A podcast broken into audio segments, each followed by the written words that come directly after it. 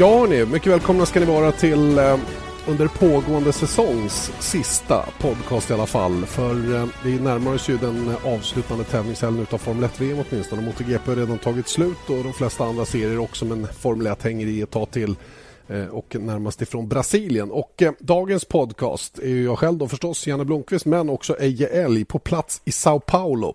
Du har precis stigit upp du va? Nej, du, jag var lite...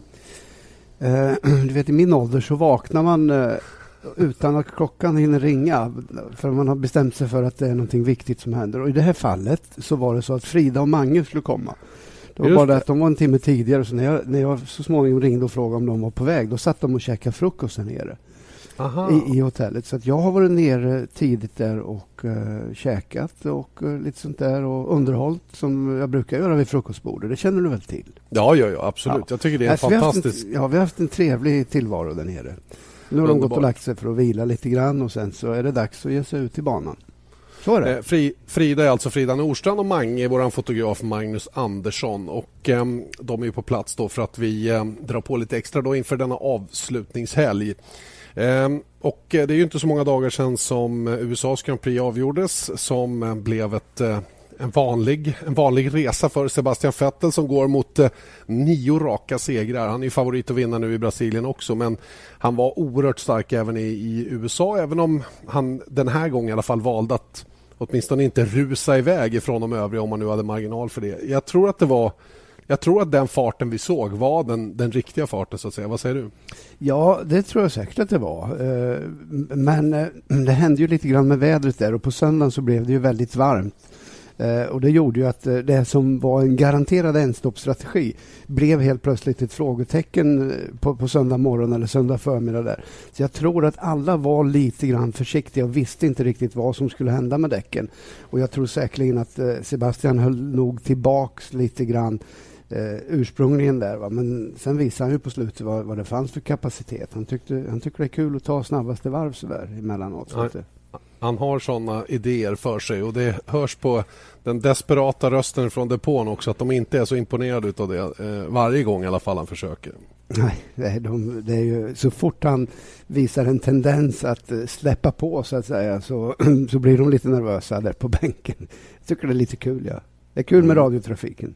Ja, men den, är faktiskt, den tillför oerhört mycket då, även om den i vissa fall då kan bli lite tokig för de inblandade. Jag tänker främst på det som hände i Indien då, mellan Alan Permain och Kimi Räikkönen. Det är glömt nu och eh, det känns inte som om någon har hakat upp sig på den incidenten. Det var just en incident och inte så mycket mer än så. Eh, det som hände nu efter USAs Grand Prix, det, det, innan vi går in på det lite mer i detalj på olika insatser, det var ju att så fort att det blir enstoppsrace, vilket vi hade i USA, då blir det, då blir det så här, ah, det är tråkigt racing och det är värdelöst. Och, eh, jag såg att Mark Hughes till exempel på Autosport skrev att det här var slöseri med en sån fin bana att köra en enstoppare. Och, ja, det är ju så, det fanns ju fog för oron så att säga att köra en enstoppare. Det var ju det snabbaste sättet, det hade man räknat fram. Men eh, däckslitaget var ju ändå på marginalen. Och, och visst hade det varit bättre med kanske ett sätt, ett utav sätten lite mjukare för att få till ett två, en, en tvåstoppare så att säga och på det sättet fått lite hårdare körning över varje sten. Ja du, Janne, jag vet inte hur du förhåller dig till det här, men det här är ju en väldigt, väldigt komplex fråga naturligtvis. Och eh, jag kan ju bara prata för mig själv, själv eh, självklart är det, är det så.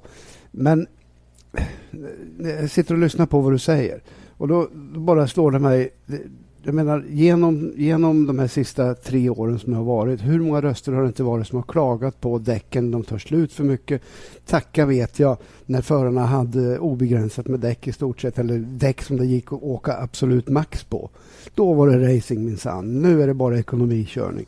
Men jag menar, man kan inte få, man kan inte äta kakan och ha den kvar.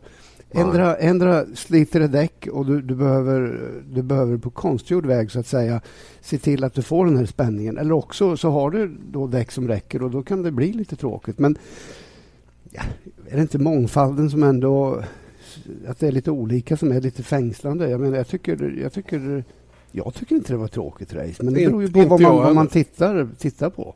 Ja, men jag håller med dig. Jag tycker inte heller att det var tråkigt. Det var avvaktande däremot inledningsvis. Och eh, Det berodde ju helt enkelt på att man, var, man ville liksom passera. Och jag, jag lyssnade till Daniel Ricciardos kommentar efter loppet. Han sa att I, I hit the cliff, son. I hit the cliff med fem varv kvar. Så han mm. kom till stupet för däcken. Va? Och Det var ju deras marginal. Fem varv, det var det som skilde. Och Då mm. förstår man ju att man är lite konservativ kanske eh, i inledning för att se lite grann var däckslitaget tar vägen. Det ingår ju liksom i spelets regler man kan inte, det är inte rock'n'roll varenda sekund i en fotbollsmatch eller hockeymatch heller utan det, det är olika, det är dynamik i så att säga. Va? Och sen blir ju vissa race av olika anledningar, väder eller däckval eller vad det nu kan vara, har de lite olika utseende och den här gången blev den enstoppare. Vi har ju sett så mycket av den andra varianten också så att någonstans får man ju vara lite jag tror att vi måste ha lite tålamod också, vi som sitter och tittar. Ja, men, ja eh, jag vet inte vilka vi är, Janne. Jag har tålamodet. Ja. För att, jo, jo, men eh, alltså, jag sätter mig i tittarens... Jag, ja, jag förstår vad du menar. Och, eh, men, men det är ju så här, jag kan väl hålla med om att visst, ett drömscenario är ju naturligtvis om det fightas om varje position. Men jag menar, det här är Formel 1, så här ser Formel 1 ut. Och I det här fallet då så kontrollerade ju Vettel allting precis som Schumacher gjorde på sina, sina dagar. Det är klart att det är kanske inte är det absolut roligaste. Men titta lite längre bak då. Titta vad som hände topp 10. Vilka otroliga fighter det var eh, sinsemellan. Sen hur mycket omkörningar det resulterade i, det inte vet jag. Eh, det, det kanske inte var så många, men om man tittar enskilt till exempel på fighten med, med Webber, Grosjean Mm. Där det väldigt tydligt framgick, eh, framgick precis som vi, vi pratade om i sändning att, eh, att eh, Webber backade tillbaka, sparade sina däck lite grann, kylde såg till att de var fit for fight och, och sen så laddade han ordentligt några varv, satte allting på ett kort. Eh, bara det var ju en intressant grej. Mm. Dessutom ännu mer intressant var att se hur påverkade det här Romain Grosjean. Eh, hur, han, hur han disponerar sitt race, hur han fokuserar bara framåt. Struntar i att, att han var hårt attackerad, struntar i att åka några defensiva linjer utan bara satsade framåt. Och eh, Jag tyckte det var helt fascinerande att se hur han genomförde racet, eh, Grosjean. Och det var en av behållningarna. Sen fanns det ju saker och ting längre bak också. Det visar också hur bilar fungerar olika, hur Lotusbilen tål att laddas med på det där viset. Eller hur däcken på Lotusbilen tål att laddas på varv efter varv efter varv. För han mm. gjorde i praktiken kvalvarv medan Mark Webber låg backade tillbaka två, tre sekunder, kom tillbaka upp i växellådan, försökte ligga på och göra en attack, var tvungen att backa av mm. igen. Och sen en sista attack då tills bakdäcken i princip då inte tillät fler attacker i alla fall. Fortfarande hyggliga varvtider men den tillät mm. inte några omkörningsattacker. Och under tiden låg ju Grosjean och åkte på en nivå som var helt osannolik egentligen. Ja, mycket, mycket bra. Va? Men, men de grejerna, det, det jag menar lite grann, man måste sätta sig in lite i, eller veta vad man tittar på så att säga. Och uh, det finns mer i ett Formel 1-lopp än bara, bara fighten om första plats. Fight, det var ju ingen fight om första plats. Nej. Det, den var, var ju solklar. Va? Men, men för mig så finns det så mycket annat som, som är värt att titta på. Och, uh, vi pratar, du pratar om Lotusbilen där. Samma sak, uh, Heikki Kovalainen då, som debuterade. Det var intressant att se hur han skulle Eh, reda ut det här. Nu fick han ett problem med nosen. Men även han då i efterhand bekräftar ungefär det vi pratade om i sändning. Att bilen är, är lättkörd, den är förlåtande, det är inga överraskningar och så vidare. Och Det gör att den är bra. Och Det naturligtvis hjälper ju Grosjean i en sån där situation som han är. Mm. Men eh, eh för att komma tillbaka då till eh, spänningen eller inte. Det, det gäller att eh, inte bara luta sig tillbaka och, och, tro att spänningen kommer eh, landa i, i, knät utan man får väl engagera sig lite grann kanske. Oj då, det nu, nu trampar jag väl någon på tårna. Men, men, men förstår du vad jag menar? Ja. eh, ja. Underhållning är bra ibland, ibland men inte, inte så bra. Jag tror att man, man måste också ha rimliga krav på saker och ting. Man, man kan inte förvänta sig att få få lyxmat hela tiden utan ibland blir det, ibland blir det pyttipanna eller isterband. Va? Det kan inte vara oxfilé hela tiden om vi får använda den metaforen. Det tycker jag var jättebra av dig. jag gillar i och för sig både pyttipanna och isterband. Ja, ja. ja, konstigt att det alltid är mat som är din referens. Men det har du väl sett på hur jag ser ut. Så det är inte så konstigt. det var inte jag som sa det. Hörru, vi har pratat om Romain Grosjean som i alla fall jag lyfte upp till det absoluta utropstecknet. Ett par till skulle jag vilja plocka fram. Eh, Valtteri Bottas är ju svårt att, att undgå så att säga. Den andra finländaren då utav de två som tävlade i, i USA och i Austin senast. Eh, gick på in på en åttonde plats. Bekräftade att hans kvalprestation inte var någon tillfällighet tog sina första VM-poäng i karriären och eh, Williams-bilen har transfererats från en riktig skitbil till en som lätt håller, plats, håller, håller, ehm, håller till mitt i fältet. Och eh, på något sätt så, i alla fall för den ena av förarna, vi kan gå in på varför så småningom. Men, men, helt klart är att bilen mår bättre av att inte köra med det här Coanda-avgassystemet då, som inte har funkat överhuvudtaget för Williams under året. Och nu när man har tagit bort det då så helt plötsligt så, så hittar man tiondelar som, som har varit eh, långt, långt borta tidigare. Mm. Ja, det här var ett ganska känt faktum att man har haft problem att eh, få till det här Coanda-systemet på rätt sätt.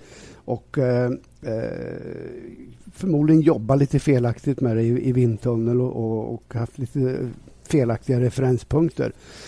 Eh, det är väl naturligtvis inte så enkelt som att säga att, eh, att alla skulle ta bort Coanda-systemet skulle det gå bättre, för så är det ju inte. Utan får man det att fungera, då är det ju naturligtvis en otrolig tillgång. Och det är precis det Red Bull kanske har lyckats bättre med än alla andra. Mm. Men eh, i ett fall där, den, där det inte fungerar som det ska, ja då är det ju en, en nackdel helt klart. Och då är det bättre att köra med en, en mer konventionell bil som inte, inte överraskar med att tappa grepp eh, i stort sett överallt där den inte ska tappa grepp, för då blir det svårkört. Och det är mm. precis det det har varit. Så nu är man tillbaka till en bil som är lite mer lätthanterlig och uh, lättare att förstå sig på för, uh, mm. för förarna egentligen. Så att, uh, mm. jag tycker inte det är så konstigt. Och jag tycker ändå att jag tycker ändå att det är ganska positivt för, för Williams och det inger ju verkligen lite hopp inför framtiden. Och Bottas säger ju samma sak egentligen. att eh, Det var viktigt att, att det här att, att de hittade det här nu i slutet på året för att det kommer att vara en avgörande faktor var man börjar och hur man jobbar inför nästa år. Mm. Ja, en, eh, det här med Quanda för övrigt. Eh, jag menar, jag vet att eh, var det inte Fettel som gick fram och tillbaka med olika system och Quanda som man hade i början på säsongen och inte kunde riktigt bestämma sig för vilket som fungerade bäst och provade det gamla och gick tillbaka till det nya som Mark Webber hade kört med hela tiden och så vidare. Det är inte bara Williams som har problem men man måste ha mm. i grunden ett bättre paket naturligtvis. Det, det är ju så här, för att förenkla Want flexibility? Take yoga. Want flexibility with your health insurance? Check out United Healthcare Insurance Plans. Underwritten by Golden Rule Insurance Company, they offer flexible, budget friendly medical, dental, and vision coverage that may be right for you. More at uh1.com. Say hello to a new era of mental health care. Cerebral is here to help you achieve your mental wellness goals with professional therapy and medication management support. 100% online. You'll experience the all new Cerebral Way an innovative approach to mental wellness designed around you. You'll get a personalized treatment plan from a therapist, prescriber, or both in a safe and judgment free space. Your cerebral therapist or prescriber will outline a customized plan with clear milestones along the way so you can get to feeling your best. With Cerebral, you're not alone in your mental health journey. We're here to empower you to live a fulfilling life. So take that first step towards a brighter future and sign up today at cerebral.com slash podcast and use code ACasts to get 15% off your first month. Offer only valid on monthly plans. Other exclusions may apply. Offer ends July 31st, 2024. See site for details. För den som inte riktigt eh, är med på vad det är. Så det, det är ju ett system som ger mer downforce. Mer downforce ger mer grepp. Men grepp överhuvudtaget är ju naturligtvis jättebra för det, för det är det du behöver ha. Det är det man hela tiden strävar efter. Att få ett bättre, bättre och bättre grepp mot asfalten. Men det som är absolut viktigast i, i det här det är att ha ett konstant grepp. För att ett grepp som kommer och går, det är en fullständig katastrof oavsett om det är bak eller fram eller var det än är. Och Det är precis det som är hemligheten, att, att lyckas täppa till eh, diffusern så att man verkligen har ett konstant grepp, en konstant greppnivå. Och det är det man mm. har misslyckats med hos, hos Williams. Och, eh, så att jag förstår att bilen är betydligt mer lättkörd nu. Mm. Några som har gått precis åt andra hållet, eh, nämligen var inte så lyckade i början på säsongen men som fick till sitt Coanda-system i princip med en uppdatering som kom till Ungerns Grand Prix. Det var ju Sauber, för de såg ju bedrövliga ut också i början och, och lyckades lösa just den biten. Eh, och har ju efter det då varit oerhört starka. Eh, vi har ju Hülkenbergs eh, tredje plats på kvalet i Italien som blev en femte plats i mål.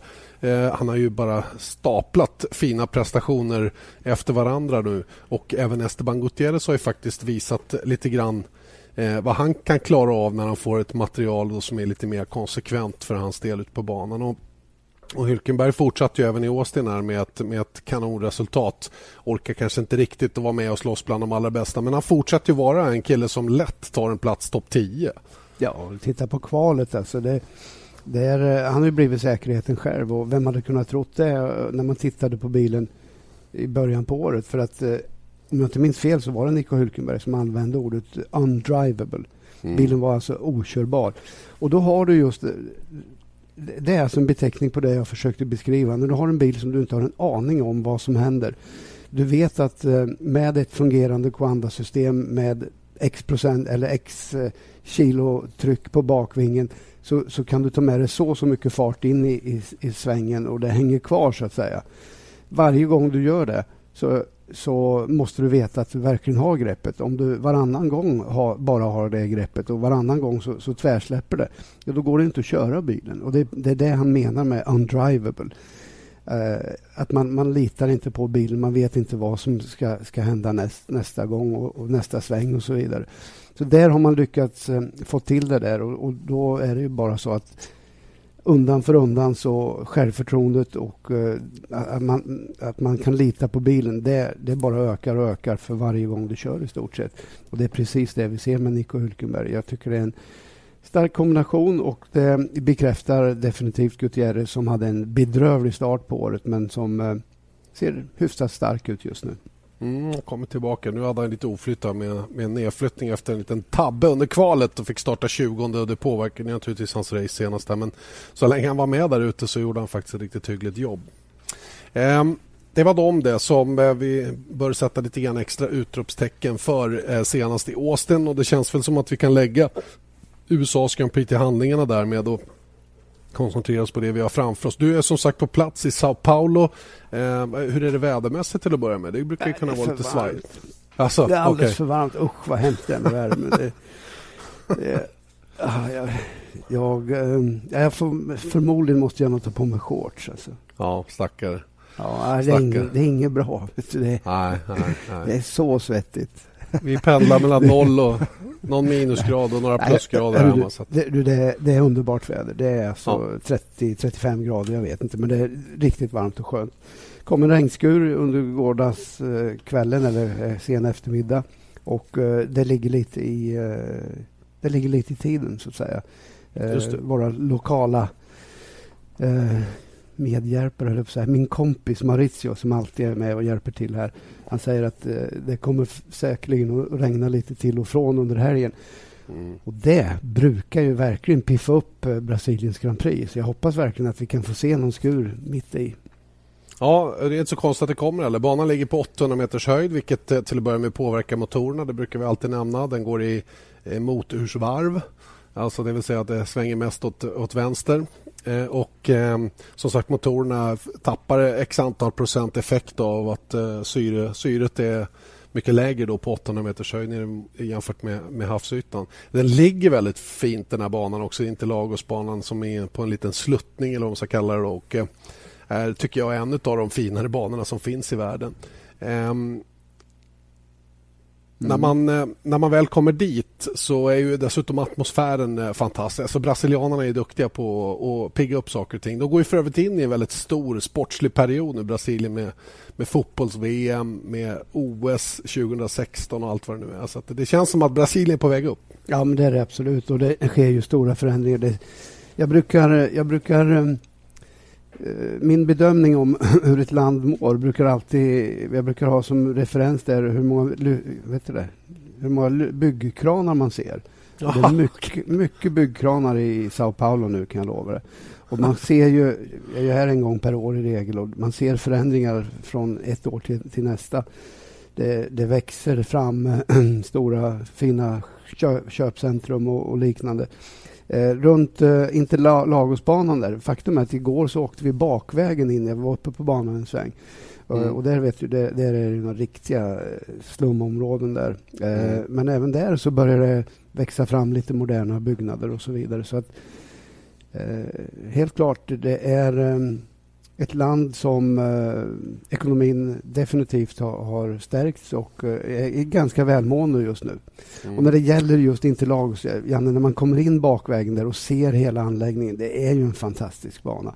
Och den är kuperad och det är en gammal, ärlig, fin racerbana och det är ju sånt där som, som jag gillar i alla fall. Och det, vi brukar ju ha riktigt bra race här dessutom.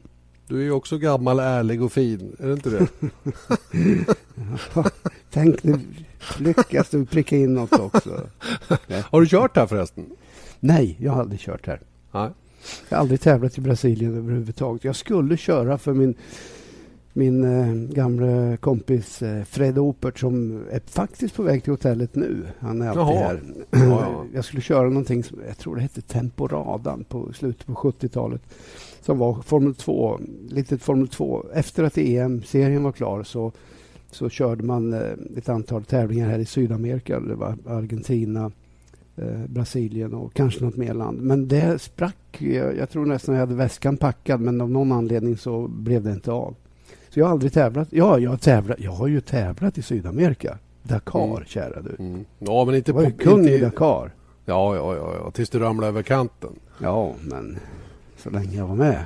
Ja, så länge du var med så såg det bra ut. Okej, eh, då ägnar vi oss åt våra bästa ögonblick från Interlagos. Det mesta, av väl, det mesta av vad jag minns som starkast har väl rullat på tv rätt många gånger nu. Eh, nämligen den här turen vi gjorde in på banan. Eh, och Jag har ju berättat bakgrunden till och hela den grejen så det kanske inte är så nytt för alla. Men, men eh, kort bara så var det ju så att det var en, generellt sett en väldigt jobbig resa. Det var långt dit och man var trött när man kom fram. Och jag minns så väl när jag och Magnus försökte ta oss från, eh, från flygplatsen till hotellet. Och det, man var ju helt i koma innan vi blev upplockade. Och, eh, ja, det var, det var tufft helt enkelt. Och sen den här dagen då när vi skulle åka ut på banan. Och vi, du vet ju alltid var vi ska när vi kommer någonstans i världen. Men just den här dagen så fick vi inte åka den vanliga vägen och det blev ju som det blev. Då. Vi tog Kimmy-vägen in på banan. Mm. Som, som, ja, det var en speciell. Det är ju faktiskt det, det som jag minns allra mest ifrån. Och sen kan man inte heller ta bort eh, avslutningen 2008 med med Felipe Massa och Lewis Hamilton som krigade ända till sista blodsdroppen om vem som skulle bli världsmästare. Det, det, det är för mig i alla fall de absolut starkaste händelserna. Nu har inte jag varit i Brasilien så många gånger så jag har inte så mycket att falla tillbaka på. Sen finns det ju många race som har varit Men även fjol, finalen förra året, Janne, var ju en av de som måste uppmärksammas, tycker jag, med, med Sebastian Vettels eh, otroliga race där med en halvtrasig bil efter att han kraschade eller körde ihop med någon i, i tredje svängen där nere mm. på första varvet. Ja. Bara, bara, jag menar, det var ju en sån avslutning. Så, jag menar, använder man den typen av av referenser och för att avgöra vad som är bra eller dåliga race, ja då är alla race dåliga. För det var, jag menar, mer thriller än så kan det inte bli. Nej, det får jag nog lov att hålla med Andra såna grejer som har hänt. Jag minns när Sauberbilarna tappade bakvingarna på, på start och målrakan. Var det inte när Mika Salo körde i, i Sauber tror jag som, som det skedde och de, de kom aldrig till start för de kunde inte garantera säkerheten. Vi hade ju, var det inte Senna som 93 i McLaren körde med bara en växel på slutet och, var, och ja. tuppade nästan av efteråt. Och... Ja, det var många sådana där. Vet du, vad, vet du vad jag kom på nu? När Alesi kom uh, flat out över startrakan och så var det en sån här avståndsskylt som ramlade ner i huvudet Ja, just det. Just det. det tyckte jag var fränt. ja. Och minns det här året då när, när Bridgestone var däckleverantör och bara kommer med ett enda regndäck och det var närmast skyfall. Oh, och de hade bara intermediate. För att ja. av något kostnadsbesparande idiotskäl så hade man sagt att det blir bara ett regndäck över hela säsongen och det blev någon slags kompromiss mellan full wet och intermediate och det funkade ju inte all. Alla körde ju av hela ja. tiden. Ja, men det var helt otroligt. Eh, kurva 1, 2 och sen trean. Där, mm. där, för det är en otrolig sluttning där. Och eh, faktum är att jag var ute på banan där igår och, och kollade lite grann. Och det är en otrolig nedförsbacke så det blir ju en sjö där nere. Och de åkte av. Men vet du vad som är så intressant med, med det som hände där, Janne? Det är ju att eh, det fanns nog ingen i Formel 1-depån som inte visste att det här var tidernas mest mest felaktiga beslut någonsin. Och ko komma med en, en bestämmelse att man hade bara ett regndäck eller en typ av regndäck. Mm. Det, var ju, det var ju dömt att misslyckas. Det fanns, inte, ja. det fanns inte på världskartan att det där skulle fungera, hur, hur mycket man än ville. Alltså. Och det blev ju naturligtvis eh, det slutgiltiga spiken i kistan, så att säga. Sen så började man ju förstå att det, det här håller inte, utan man fick ju Nej. ta fram andra däck.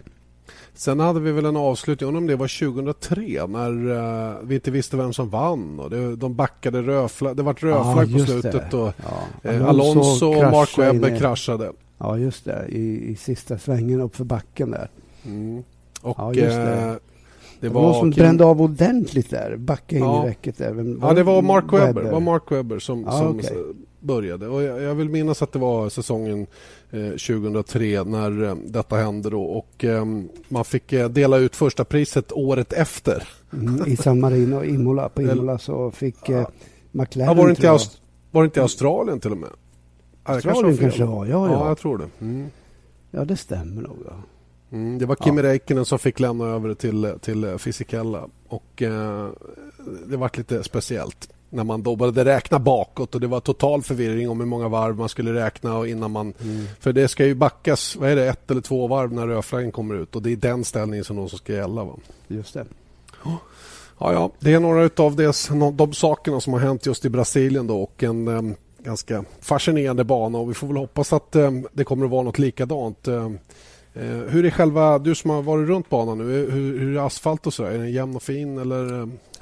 Problemet har ju alltid varit att det är lite ojämnt där och det här har man jobbat på i stort sett varje år. Och eh, det brukar sägas att, att det är en klar förbättring men sen när man tittar på bilarna första träningen så inser man ju att det är det är onekligen ojämnt av naturen så att säga efter första sväng, du vet eh, den här doserade vänstern mm. nerför backen där. Där har man faktiskt, eh, där har, vi, har det varit några, någon typ av förskjutning. Där, inte vet jag om det har varit för mycket regn och så vidare. Så att, eh, där hade asfalten i praktiken delat på sig. Det bara blev stora diken nedförsbacken där. Så där har man fått reparerat och lagt i lagt i lite, lite asfalt. Men i övrigt så såg det ut så såg det ganska normalt ut så att säga. Mm. Um, och um, om vi tittar i övrigt då. Mark Webber kör alltså sitt sista race i Formel 1 kommande helg. Och vi var inne på det nu senast att eh, det kanske vore klädsamt av Red Bull att låta Mark Webber vinna och då sa du direkt jag tror inte han vill det sa du. Jag tror han vill vinna av egen kraft och det är självklart att han vill det. Mm. nu har de ju kommit med kommentarer om att Eh, Eh, vill han racea så får han racea. Vill han vinna så får han racea om det så att säga. Det är ingen som kommer att ge någonting gratis till Mark Webber. Jag tror på något sätt att han vill ha det så också. Vad säger du? Ja, det tror jag också. Jag menar att få en seger till skänks. Eh, eh, jag vet inte vad, vad det egentligen skall... Eh, jag vet inte vilken typ av tillfredsställelse det skulle ge honom.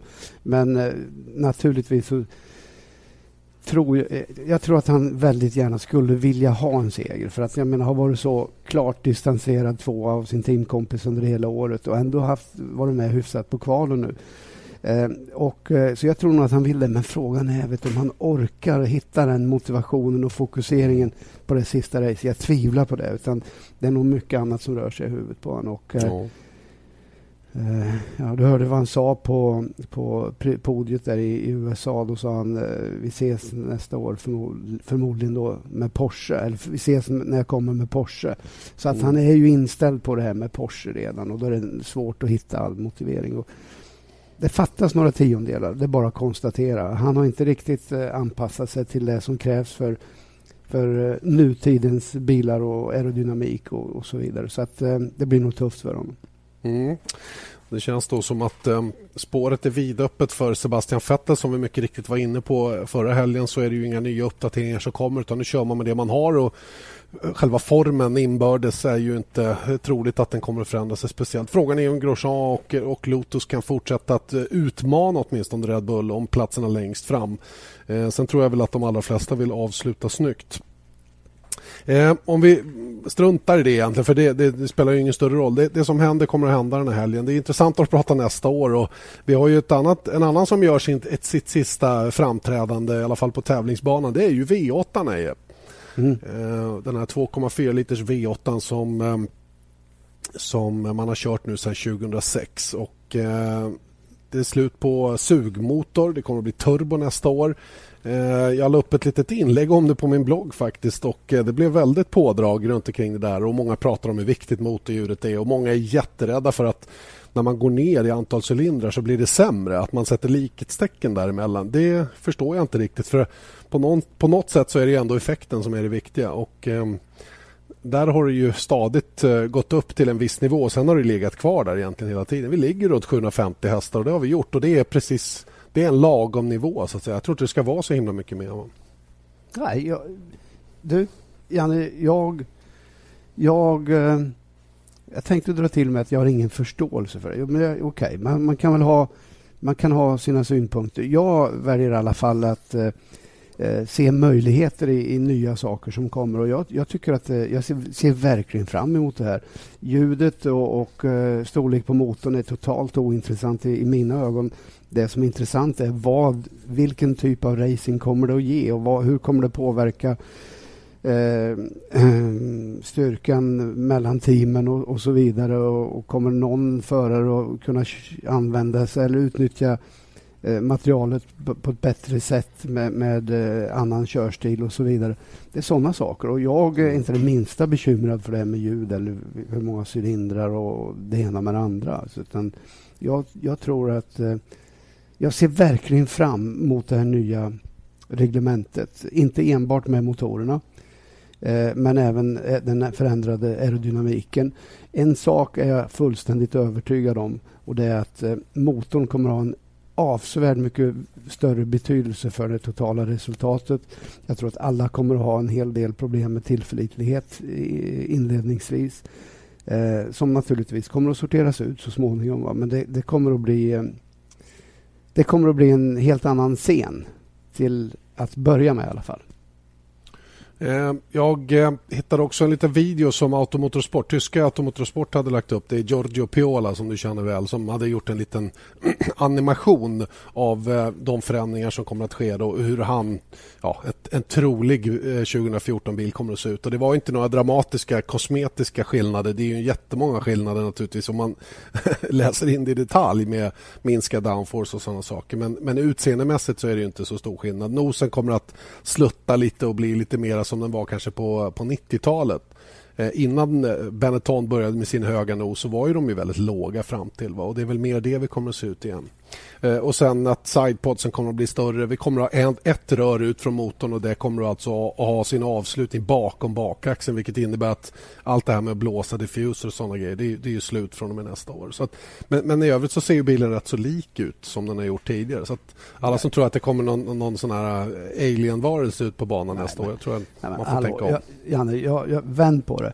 Jag kommer så väl ihåg, jag tror det var Benetton som började med den här höga nosen. Mm. Hur fullständigt idiotiskt såg inte det ut då? Ja. Jag menar, men hallå, får det, verkligen, får det verkligen se ut på det här sättet? Och sen, man vänjer sig ju vid det. Och, och uh, jag ser ingen anledning varför. Jag, snarare tvärtom. Jag tycker det är intressant att, att uh, få se lite nya saker och att, att man börjar från noll och utvecklar grejer och, och se vart det, vart det slutar. Så att säga. Jag tycker att uh, det är jättebra. Nu är det ju så att den här nosen är ju, kommer ju till i första hand eh, av säkerhetsmässiga grunder. och eh, Vi får aldrig glömma bort att säkerheten måste alltid vara det som kommer i, sätts i första rummet. Mm. Ja, det ska bli spännande att se hur 2014-bilarna, det får vi återkomma till. Vi har sagt det några gånger att vi kommer att återkomma till det nya reglementet, men det kommer vi att göra i en, en egen podcast att säga, där vi pratar om, eh, om vad som egentligen händer med de nya bilarna i detalj. Så kan inte det, du bjuda det... mig på julbord så kan vi väl göra, göra en någonting då. Det vore ja, perfekt. Ja. Alltså. Herregud, fixar jag av det. Inga problem. Ja. Är det något speciellt du vill Kan jag ta med några kompisar också? Det går, jätte, det går ja, jättebra det också. Ja, det är bra. Det gör det. Inga problem. Det ska eh, vara ett bra ställe, Janne. Ja, men du, går jag någonsin på några dåliga menar du? ah, eh, Okej. Okay. Snabbt över på, på silly season också som eh, fortsätter naturligtvis. Det har väl egentligen inte hänt så himla mycket. Eh, det har kommit lite rykten om att Nico, Nico Hülkenberg har skrivit på för Force India. Alltså Sutil fick vi rykten om att skrivit på för Force India. Möjligen att de platserna då redan är klara. Eh, men i övrigt så är det ju inga inga dramatiska nyheter. Jag gjorde likadant där. Så att det, eh, jag roade mig med att göra en lista över de 14 gubbar tror jag jag kom fram till som, eh, som eh, jag tror har en rimlig chans på en plats i Formel 1 utav de nio platser som återstår. Och eh, Det där är ju högst eh, subjektivt och, och, vem som är bra och så vidare, vem bör passa och så försökte jag också redogöra för vem som har vilka förutsättningar rent ekonomiskt också. Eh, men det, det, ligger där någonstans, 12-13 gubbar runt nio platser och eh, det är ju då lite hela havet stormar här. När musiken tystnar gäller det att ha en stol. Mm. Du, Janne, jag tänker inte kommentera så mycket. Jag är övertygad om att du har nog fått med det mesta. Jag tycker att det är en gissningslek. Och jag ska bara dra en liten rolig grej som inträffade på planet över hit. Eh, eh, alldeles stolen framför mig så satt en finländare. Och det är inte så svårt att räkna ut vilka, vilka han håller på i Formel 1, men han var på Nej. väg över hit.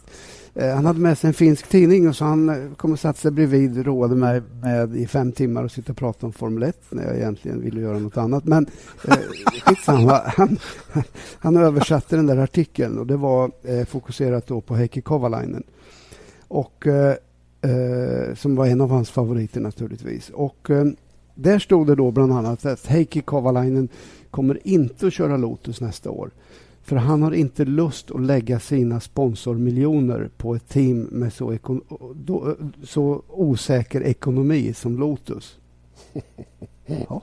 Jag visste okay. inte att han hade några pengar. Det stod ju i tidningen, så det är lika bra att konstatera då att det var ju sant naturligtvis. Ja. Så det kommer ju fram, det kommer ju så oerhört mycket konstiga signaler från media.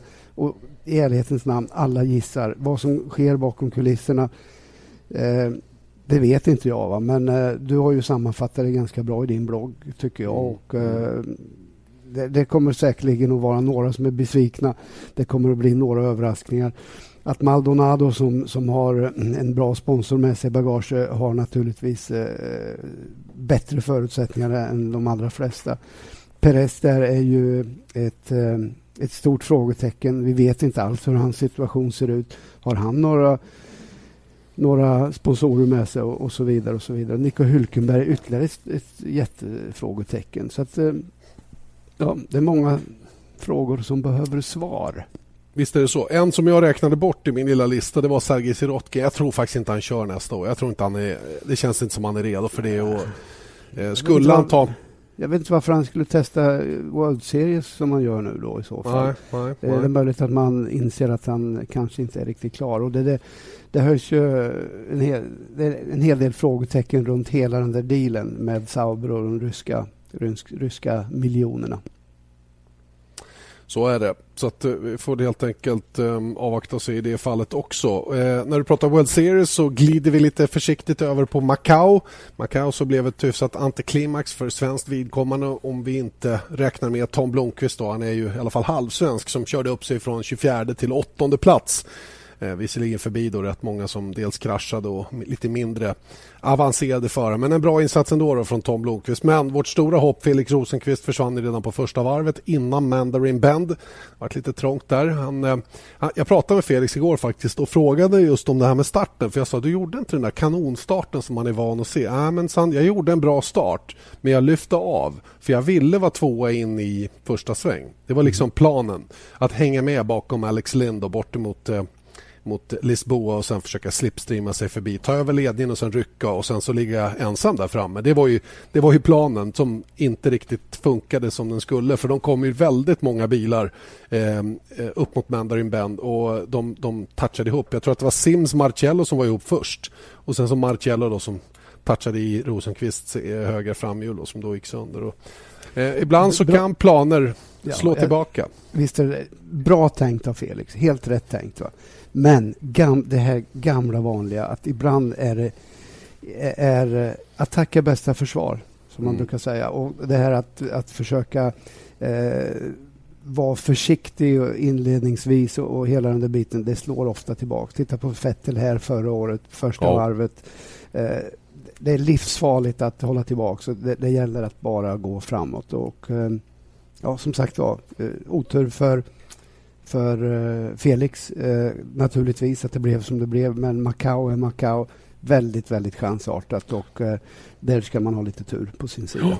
Och, och, vi kan um, hänga kvar vid Felix då så, så vet jag att han... Um, ja, resultatet hade ju varit bra naturligtvis att ha med sig men för hans framtid eh, så som jag uppfattar det så, så, spelar det egentligen inte någon större roll. Mercedes vet vad de har Felix och eh, han har ju testat DTM.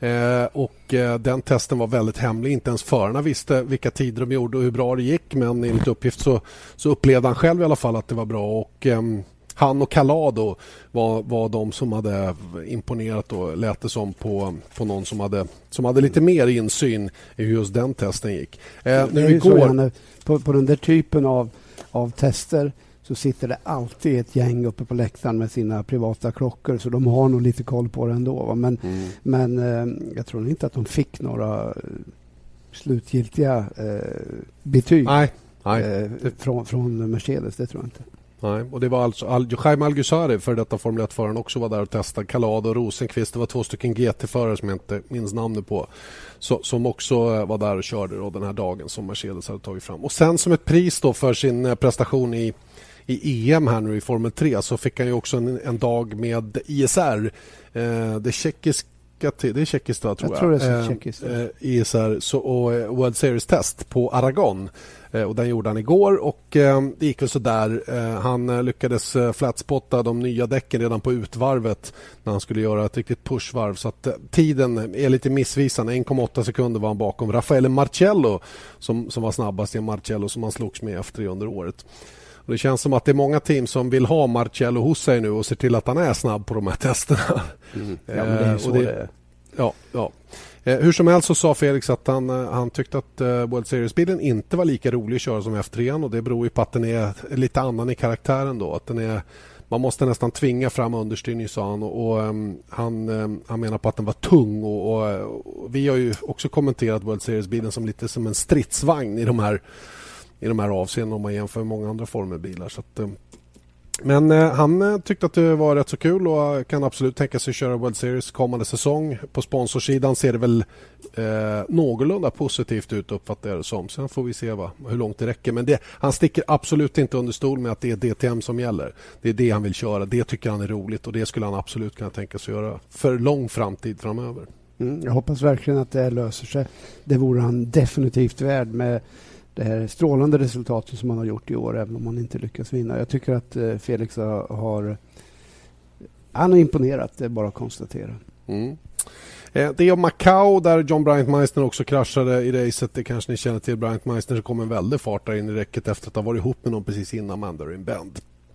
Eh, vi har ju eh, senaste podcasten också eh, pratat om veckans F1 Svensk och eh, vi har bland annat berört Conny Andersson och vi har berört Gunnar Nilsson. Jag tänker vi tar oss till någon som som var den senaste som tävlade i Formel 1 faktiskt för Sverige, eller för Sverige, för sig själv, men som är svensk. och då är det framförallt Lillövis då som vi ska beröra den här gången. Och Stefan Johansson, han var i farten, han är i farten fortfarande. Han var, han var i Macau till exempel och körde det här Masters-racet i Sirocco-bilarna eh, just i Macau då, dock utan någon fantastisk framgång. Men eh, framgångar har han haft, Lillövis, i Formel 1. Han har varit väldigt, väldigt ansedd och duktig. Hade ju länge då noteringen som hade flest pallplatser utan att vinna. Något han tappade när tror jag Heidfeldt gick förbi för, något, för något år sedan. Ja, när det gäller Lillövis, eh, eller ska vi kalla honom Stefan, äh, Lillövis, så ja. eh, jag vet inte var, jag skulle kunna göra en egen podcast om, om Stefan. Stefan och jag träffades första gången, jag tror i Älmhult eller någonting på gokart på 60-talet. Och sen har ju vi eh, raceat mot varandra, vi har hjälpt varandra. Jag kommer så väl ihåg jag kraschade illa på Silverstone en gång eh, och eh, vaknade inte upp eh, för en dag därpå i Northampton Hospital. Eh, och vem satt där om inte Stefan vid, vid sidan och uh, höll med handen? Nej, nu ljög jag. Uh, nej, men han, så att vi har ju haft eh, väldigt mycket gemensamt och vi har nästan varit bröder. och jag... Ska vi prata om Lövis så är jag, jag är så jag ska inte säga frustrerad, för att egentligen bryr jag mig inte, men jag är lite förvånad över hur någon lyckats eh, med bedriften att, att få en stämpel på sig som en loser i, i Sverige. Någon som verkligen inte har lyckats. Eh, han har kört F1 längre än någon annan svensk, tror jag. Har varit, ja. alltid varit betald, vissa gånger vä mycket välbetald. Han har tävlat för de två bästa teamen, eh, McLaren, han har tävlat för Ferrari. Han har haft en enastående talang eller eh, karriär borta i USA, i Indycar. Han har tävlat i sportvagnar. Han har vunnit Le Mans, tror jag. Ja, tvåa vet jag att han har varit. Mm, nej, han har vunnit också. Ja. Eh, jag menar, ett rekord som är helt otroligt men ändå på något sätt så har han aldrig fått det där erkännandet hemma i Sverige. Och det förvånar mig lite grann. För Stefan är ju en, en förare av uh, yppersta toppkvalitet, eller var. Han håller ju som sagt var fortfarande på att fuska lite grann. Eh, var det inte 1997 han vann? Eh, ihop med Mikael Alboreto och Tom Kristensen. Jag tror det i alla fall. På Le Mans, ja det kan tänkas ja. Mm -hmm. Eh, hur som helst så, eh, så är han som sagt eh, har varit väldigt, väldigt framgångsrik. Då. Eh, mina egna minnen från Lillövis är egentligen det man såg på tv då och eh, hur den var, när han körde i F1 så var ju inte tv-bevakning på samma sätt som den blev ganska direkt efter han hade slutat. Eh, de riktigt stora tv-avtalen och den riktiga spridningen framförallt i Sverige den kom ju inte igång förrän där 90, 91, 92, 93 någonstans. Och eh, Han var ju faktiskt aktuell eh, innan det. Så att mina minnen är kanske framförallt när han flyttade över i, i USA och körde för Bettenhausen och, och, och mm. tävlade i Indycar och alla de bitarna. Så att, eh, han, eh, han, har ju, eh, han har ju provat på mycket och han verkar ju vägra lägga av också. Ja, absolut. Ja, det tycker jag är lite kul. Nej, men han, det var lite fel tidpunkt där och jag tror inte vi svenskar riktigt visste vad... vad hade lite svårt att värdera hela biten där. Vi kom ifrån en period, den senaste då, eller innan var det Ronnie Pettersson som var en sån oerhörd hjälte hemma i Sverige och som alltid, var, var, alltid hade segerchans i praktiken och var en riktig vinnare. Ehm, och eh, under den här perioden då så, så ställdes det lite andra krav tror jag från den, de svenska från, från svenskarna och Löfves gick aldrig riktigt in i hjärtat hos folk. Va? Men i branschen så var han ju stor och naturligtvis eh, att, att uh, bli anlitad av uh, McLaren och Ferrari, jag menar, det säger ju lite grann, eller hur Janne? Det behövs ju inga, inga övriga kommentarer överflödiga, eller hur? På något sätt är det och, faktiskt så. Ja, och jag menar Lövis, jag har ju tävlat så mycket mot Lövis själv så jag vet ju. Okej, okay, det kanske inte är världens äh, bästa referens att... Äh, att äh, jag kanske inte är världens bästa referens när det gäller Lövis men jag vet ju hur, hur snabb han var och jag vet ju hur skicklig han var. Dessutom var han ju en, en förståndig förare. Alltså, det var aldrig några tokigheter med, med han utan han var bara snabb och snabb och, och, bra helt enkelt. Jag hade mm. väldigt, väldigt stort förtroende i Formel 1-depån, i alla depåer i stort sett. Och det faktum att han fortfarande lever på det, eh, tjänar pengar på det, är väl eh, ett bevis om något. För det är inte så många svenskar som lyckas eh, leva så länge, eller hela sitt liv på att köra racerbil. Men det har han gjort. Ja, verkligen. Ja, vi får se hur länge han tänker um, hålla fast i ratten. Han, um, han var ju med om en olycka förra året. Han var någon instruktör av något slag. Var det inte i Shanghai på banan Shanghai, där? Och, och bröt mm. benet ganska illa faktiskt också. Men eh, han är tillbaka igen och, och sladdar runt lite grann där det passar. Han eh, ägnar sig åt att göra fina klockor och lite sådana saker. Det vet jag ligger honom varmt om hjärtat också. Mm, nu ska han göra världens bästa mobiltelefon också. Jaha, det att, eh, också. Herregud. Han är inte smålänning för inte. Alltså, för han, han, vet vad, han vet vad folk behöver. Apropå smålänningar, det var någon Gnosjömänniska här som, eh, som har bestämt sig för att eh, Anderstorp behöver en miljard ungefär för lite upprustning. Vad tror du om det? Vadå, bara kasta in en, en miljard? Ja, ja, ja sådär. Det är... är det någonstans mellan en halv och en miljard och fixa okay. till lite.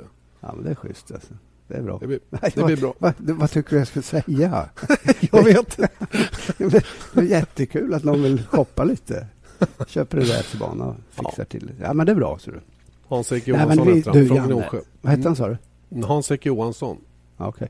Okay. Eh, vad... Eh, nej, men det var, du, svenska banor skulle väl verkligen behöva en ansiktslyftning och eh, få lite internationell klass och få in lite roliga klasser eller kategorier igen. Det vore väl underbart. Sen vet inte jag, jag känner inte till det här projektet som du pratar om nu. Va? Nej, inte jag heller. jättebra. Jag bara läste om det häromdagen. Vi har ju projektet uppe i Enköping också. Det vet jag inte var det står nu. Va? Men att, eh, det är bra att det finns eh, vilja i alla fall hemma Mm. i Svedala. Nu har vi pratat så fruktansvärt länge så nu får vi sluta faktiskt. Du har väl annat att göra idag också. Eh, jag kan påminna om att träningen imorgon fredag startar eh, 12.55 och på lördag kör vi igång 16.55. Kvalet i Vesat Motor som vanligt. Däremot så kommer kvalet att vara något eh, fördröjt i TV10, nämligen direkt efter Premier League-matchen runt 18.30. Så att eh, det gör att eh, det blir lite förskjutet för de som inte har Viasat Motor och bara ser det i tian. Eh, där kvalet följs sen av en helt fantastisk sportkväll i TV10 till exempel. Eh, svenska mästaren eh, tungviktaren Otto Wallin kör sin fjärde proffsmatch mot eh, tjecken Ladoslav Kovarik. Sen är det MMA-gala från Göteborg och sen är det boxning. Karl Frock mot ska eh, ska du George? Grooves. Ja, jag ska vara med. Ja, i MMA. Ja, ja, Du självklart. har ju kroppen till det. här, Alltså. Nej, det har jag inte alls. Jo, det är bara att lägga, lägga Jag är, rädd, jag är rädd för såna där typer. Hur som helst, det är MMA, det är boxning och sen är det NHL-match mellan Detroit och Ottawa på kvällen där. Så tian är kanalen som gäller på lördag i alla fall, den saken är helt klar. Eh, nu tänker jag runda av den här podcasten och ber att få rekommendera mig. Ni har säkert en alldeles fantastisk dag, framf- fantastisk dag framför er i Sao Paulo. Hälsa Frida Mange och eh, Marcus Eriksson som är på plats också. Ja, det ska jag göra. Ha det fint. Hej, hej. Okay.